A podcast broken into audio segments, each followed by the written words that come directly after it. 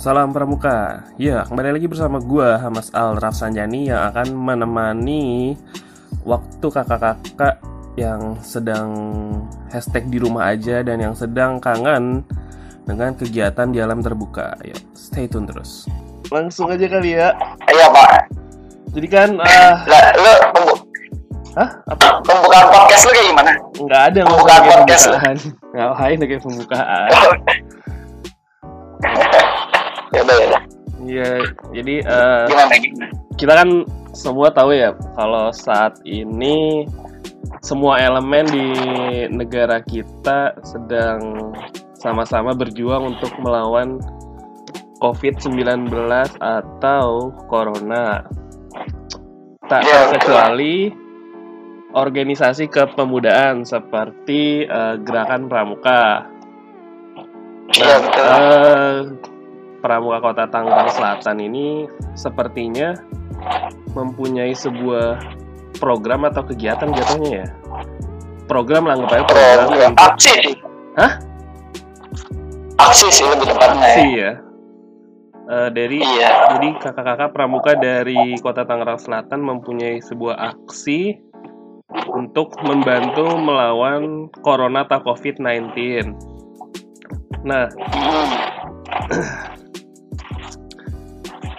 Jadi eh sekarang gue sedang bersama Kak Faisal Izulhak yang mana dia adalah Ketua Dewan Kerja Cabang Kota Tangerang Selatan. Kabar gimana kabar Sal? Alhamdulillah baik senior.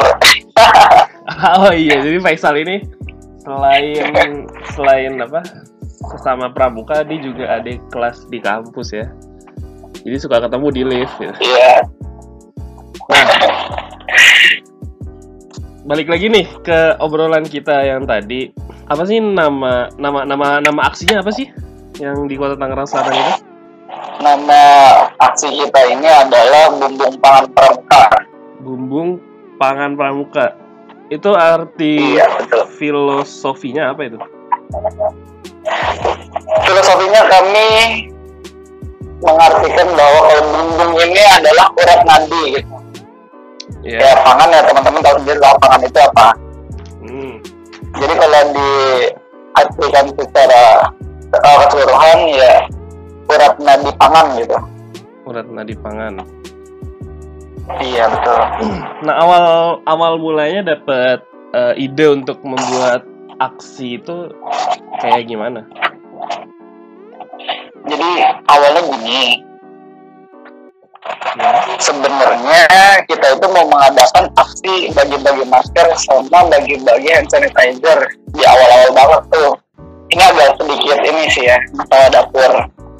Intinya pada saat kita mau mengadakan aksi bagi-bagi masker dan hand sanitizer di awal-awal tuh ada sedikit kurang dukungan dari pihak warga cabang. Bukan tidak didukung sih, mungkin oh, kakak-kakak warga cabang khawatir sama adik-adik kamu. Kan nih kalau misalkan turun-turun ke jalan nanti terjangkit karena kan COVID-19 ini kan sangat berbahaya. Sedangkan ada ada pramuka pada saat itu mau turun ke jalan nah kakak-kakak warga khawatir adik-adik kenapa-napa gitu. Jadi agak sedikit di hold gitu. Berjalan berjalannya waktu kita diskusi nih saya teman-teman DKC sama Kak Rapin sih Kak Rapin pelaku dalam warna bidang aset dan usaha masalahnya. Iya, saya lupa. Kita gini, udah lagi diskusi aja sih terkait dengan COVID-19 ke depannya. Pada saat itu COVID-19 masih belum terlalu, apa ya, penyebaran terlalu luas di Indonesia gitu. Iya. Tapi kita sudah memperkirakan ke depan itu akan seperti apa gitu.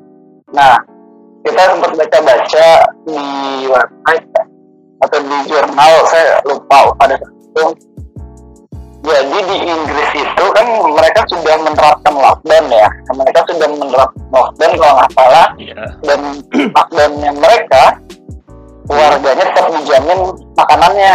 Jadi setiap setiap apa ya titik-titik sudut wilayah itu ada namanya eh, food bank atau kalau kita biasa di pramuka inilah uh, dapur umum ya.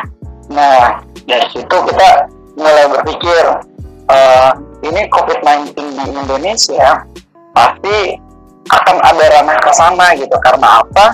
Karena COVID-19 ini tidak hanya menyasar kepada kesehatan, namun uh, COVID-19 ini menyasar juga kepada sendi-sendi ekonomi masyarakat gitu. Nah, ketika COVID-19 menyasar kepada sendi-sendi uh, masyarakat, maka yang harus dilakukan oleh pemerintah adalah memberi kesejahteraan kepada masyarakat gitu. Nah, uh, kita sampai saat ini bukan tidak percaya maksudnya sama pemerintah ya, tapi mungkin pemerintah juga akan ada batasannya gitu. Nah, kita sebagai uh, elemen masyarakat juga turut andil dan membantu dalam penanganan uh, COVID-19 ini gitu. Nah, maka dari itu muncul juga bahwa oh ini uh, masalahnya akan serius ini ke depan bukan hanya uh, kesehatan gitu tapi tinggi ekonomi gitu maka dari itu ayo kita mengawali ini dengan pangan gitu. kita buat uh, urat nadi pangan masyarakat sehingga masyarakat itu walaupun tidak bekerja uh, ya kan kita sudah rasakan lah ya sebelum ada ini PSBB atau lockdown pada saat itu masyarakat untuk dihimbau di rumah aja juga udah berdampak gitu ekonominya. Nah kita terpikir skenario lockdown atau PSBB sekarang dan ternyata benar. Sekarang uh, makin apa ya makin rumit gitu situasinya masyarakat yang awalnya hanya disuruh di rumah aja lah ya. Ini kan di rumah aja hanya sebagai himbauan. Dan sekarang uh, Tangsel ya Jabodetabek sudah melakukan PSBB berarti kan secara tidak langsung lah ya substansinya adalah substansi lockdown walaupun bukan lockdown. Nah ketika sudah adanya lockdown maka situasi ini yang rumit gitu. Saya rasa semua elemen masyarakat harus turut andil bahu membahu untuk menangani masalah bukan hanya masalah kesehatan, itu masalah ekonomi dan sosial kayak gitu. Nah, baru yang muncul uh, ide, oh ayo kita gerakan bumbung pangan pramuka sebagai motor dulu gitu. Nah, ini hanya sebagai baru sebagai motor sebenarnya aksi kita itu. Jadi uh, uh, program bumbung pangan itu ke apa aksinya seperti apa sih?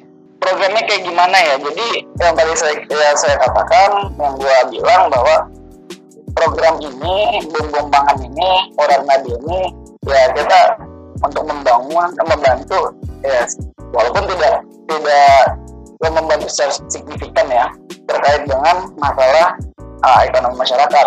Kita membagikan uh, aksi kita ya ini sebagai motor. Kalau saya katakan ini hanya sebagai menarik simpatisan ini bukan tujuan ini bukan tujuan. Tapi ini hanya menarik simpatisan. Membagikan setiap satu kali aksi itu 150 sampai 200 box uh, paket nasi makan siang kepada pekerja informal dan juga uh, para uh, apa sih petugas medis yang berada di, garda terdepan gitu. Bukan berarti kita mau ngasih donasi atau sumbangan mungkin mereka mampu tapi ini bentuk apresiasi kita kepada parti medis yang turut berjuang gitu di garda terdepan penanganan COVID-19 Nah, saya katakan lagi itu bukan tujuan awal. Gitu. Iya. Yang sebenarnya tujuannya adalah tadi yang uh, apa namanya seperti di Inggris itu skenario lockdown yang harus kita berlakukan. Tujuan kita adalah bagaimana wartir cabang ini menggerakkan motornya, menggerakkan mesinnya untuk bagaimana di setiap ranting atau di setiap kecamatan itu ada bumbung pangan atau bukan bumbung pangan ada namanya food Entah bagaimana teknisnya itu terserah kembali masing-masing pada keluarga ranting. Yang penting motornya dan motornya sudah bergerak gitu.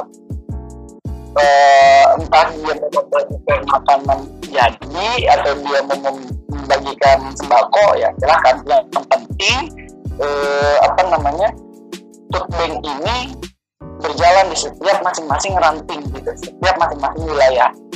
Nah, kalau misalkan setiap masing-masing wilayah itu mendirikan food bank, katakanlah ya, nah, terus juga nggak usah, misalkan nantinya ke depannya eh, tidak usah mengatasnamakan atau membenderakan pramuka, namun itu menjadi sebuah acuan untuk bagaimana setiap elemen masyarakat gotong royong bahu membahu menghidupkan uh, ini apa sih namanya food bank ini gitu. Sekarang gini ketika satu wilayah itu mendirikan food bank nah maka yang bertanggung jawab dan yang harus memiliki apa ya uh, memiliki kemauan untuk bahu membahu ya wilayah itu sendiri. Misalkan kita nih di Pondok Aren ada food bank nih di Kecamatan Pondok Aren. Gitu. Nah, awalnya kecil diinisiasi oleh pramuka. Yang nantinya akan menjadi besar uh, uh, saling bersinergi dengan elemen masyarakat. Nah uh, kita memperkenalkan ini kita ada food bank. Entah silakan mau makanan jadi atau makanan uh, sembako silakan.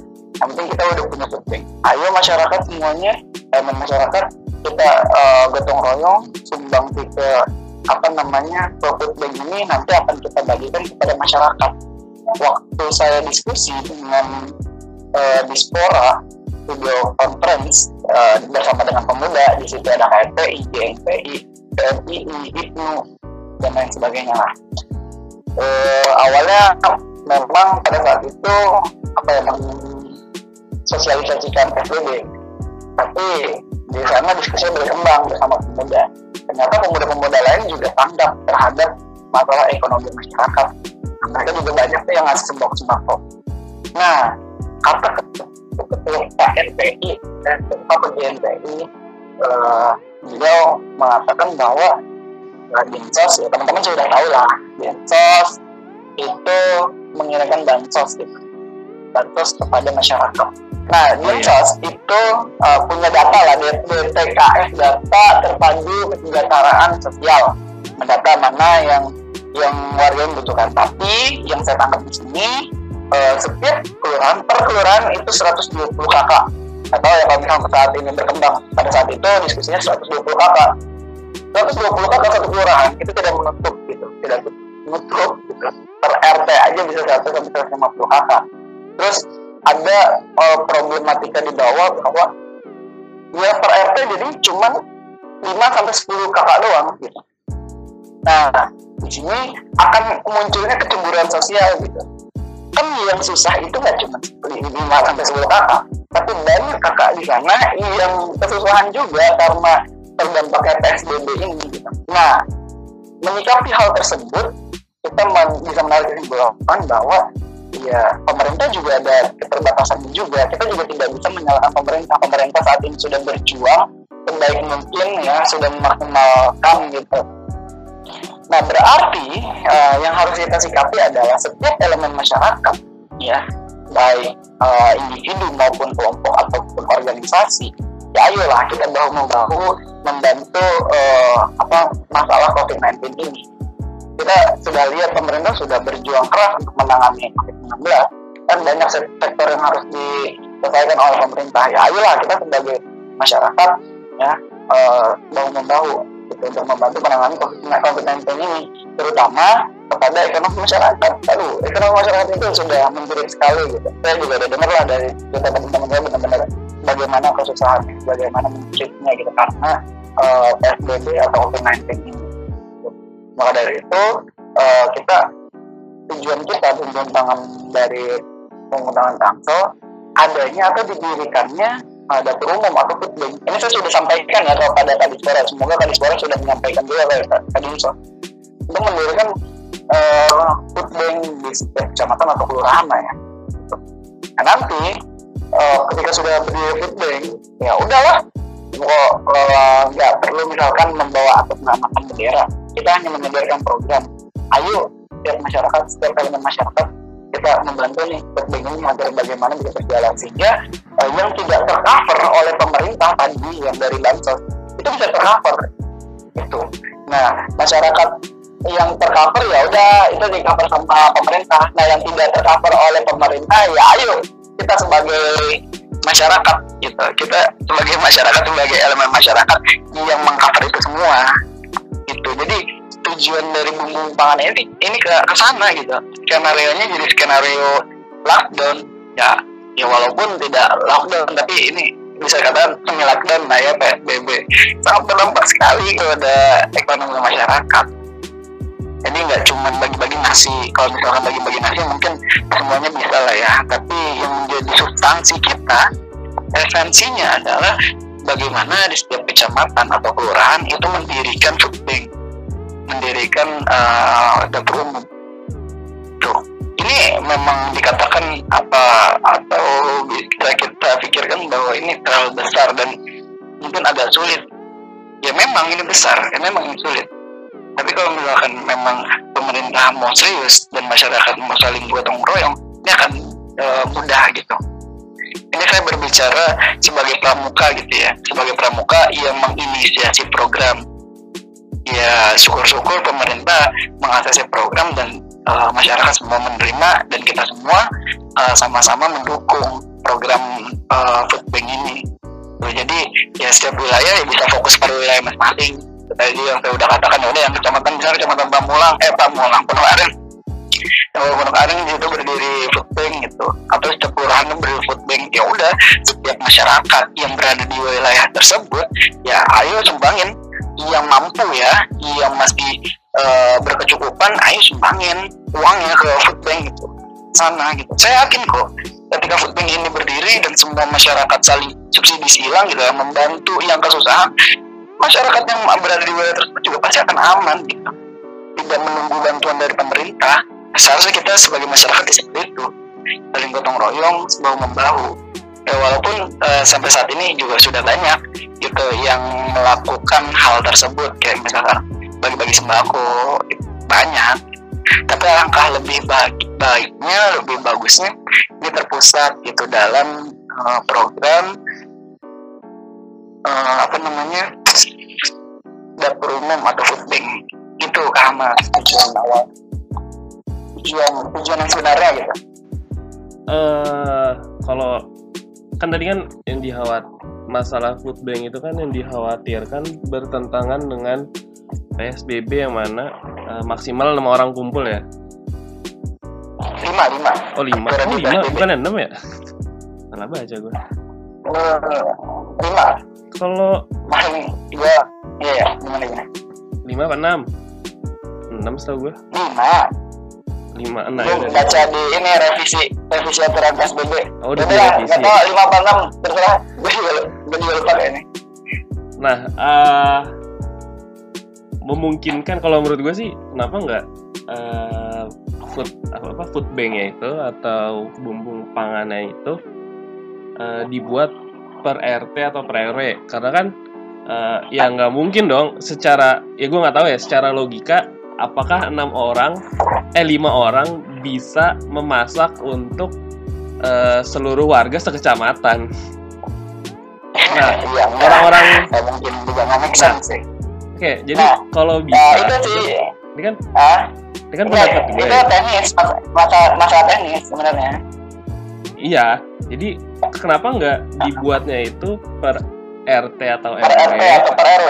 Nah, jadi orang-orang di kelurahan dan kecamatan itu hanya pertama mengko apa koordinir dan mungkin menambah apa ya bahan-bahan mentahnya aja. Jadi apa sih iya. distribusi ya distribusi bahan-bahan mentahnya.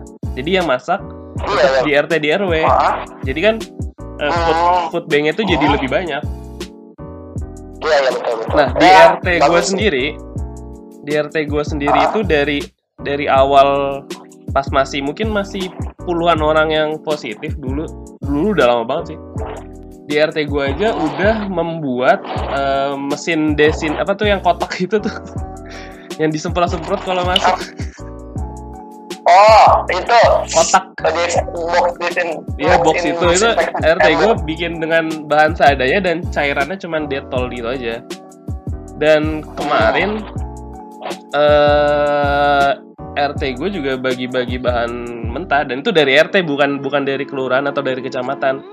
Kan uh, tradisi di RT gue ini setiap mendekati bulan Ramadan itu biasanya kita ngumpul-ngumpul uh, ada ceramah gitu dari ustadz. Nah dananya itu kira dialihkan untuk beli bahan-bahan mentah beras gula dan lain-lain dan itu dibagiin ke seluruh warga. Itu di RT gue nah berkaca dari situ ya mungkin mungkin memungkinkan. Jadi eh, di setiap RT tuh asal asal informasinya apa sih? Informasi tentang aksinya ini bagus bukan bagus asal informasi tentang aksi ini bisa dicerna dengan baik dan di disebar ke masyarakat ya memungkinkan. Jadi setiap RT atau RW jadi kan cuma lima orang lima orang dan kelurahan dan kecamatan cuma mengkoordinir dan memantau. Jadi melihat apakah bekerja dapurnya di RT sekian apakah bekerja di RW sekian apakah bekerja dapurnya apa ada yang kurang dan lain-lain? Nah iya betul. Uh, memang harapannya sih efektifnya sampai kepada RT RW gitu dan kelurahan sama kecamatan memantau dan mengkoordinir gitu. Ya, dan anak-anak uh, hmm? Terkait dengan masak gitu ya. Ini kan saya bilang tadi ini teknis. Terserah bagaimana lingkungannya mau membagikan makanan jadi atau kayak tadi tuh yang sembako. Dan mentah yang masalah. Gitu yang penting bank ini berdiri. Dan saya juga sebenarnya pengennya ya setiap RT gitu tiap RT saya juga sebagai warga di lingkungan saya saya juga uh, dalam waktu dekat ini mau mengajukan program ini pada RT gitu. Pada RT saya sama RW Pak, gimana kalau misalnya kita membuat tumpangan ini di wilayah di lingkungan kita banyak orang yang susah gitu, banyak yang udah nggak kerja, nganggur gitu ya. Udah, ayolah kita bangun tumpangan. Saya sih mau mulai dulu nih dari RT sambil menunggu kebijakan dari pemerintah dari ya apa ya tanggapan dari pemerintah terkait dengan lumbung ini gitu. Bagus banget. Tadi usulan dari Kak maksudnya berkembang diskusi terkait dengan ini ya uh, dapur umum atau food bank ini sehingga bisa lebih menyasar gitu ya pada RT dan RW yeah. gitu jadi ya bisa disosialisasikan ini food bank atau uh, bumbu pangan ini kalau tidak apa ya tidak mengandalkan atau mengharapkan dari pemerintah tapi ayo ya warga ya masyarakat bantu gitu saling silang. Ya kalau misalkan pemerintah mau mengatakan ya katakan saja. Kami hanya sanggup 120 per kelurahan gitu. Tapi kami menyarankan program food bank dan masyarakat untuk mendirikannya. Sehingga masyarakat yang memiliki apa namanya kemampuan secara materi bisa saling membantu gitu ke wilayahnya. Itu sih yang kita harapkan. Hmm. karena masalah bansos ini lagi polemik ya. Bansos. Sepertinya oh bantuan sosial yang kapan? Saat-saat ini. Akhir-akhir ini. Oh iya iya. Emang emang dari pusat dari dari pusat ada nggak sih? Gua nggak update banget berita ada tahu? Dari ada. Kemensos gua taunya iya. kartunya tahunya kartu prakerja doang. Dari Kemensos dari Kemensos ke iya. provinsi apa langsung? Iya provinsi di provinsi Aduh, ke kota kabupaten. Ini sudah menyiapkan inilah.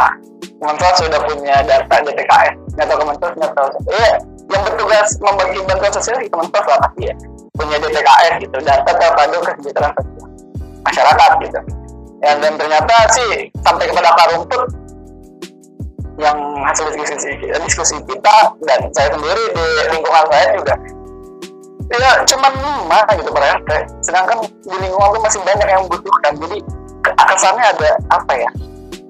Hmm, kecemburuan sih ya kayak nggak merata gitu. Ya saya kita nggak nyalain pemerintah ya tapi uh, pemerintah sudah berusaha semaksimal mungkin ya tinggal kita sebagai masyarakatnya ayo gitu. Kita sama-sama menyelesaikan masalah ini gitu. Dan bergandeng tangan gitu support satu sama lain itu sih yang diperlukan jangan kita maksudnya jangan mengharapkan dari pemerintah terus ayolah ini orang-orang yang kaya di lingkungan juga banyak mungkin atau kayak misalnya di Pondok Aren gitu banyak yang di Geraha di Bintaro gitu. Mereka kan punya banyak duit kenapa nggak sumbangin gitu ya? Gitu. Para pengusaha-pengusaha gitu. Ya mungkin di Tangsel banyak pengusaha-pengusaha di Serpong Serpong Utara BSD Alam Sutra lebih banyak gitu ya. Ya.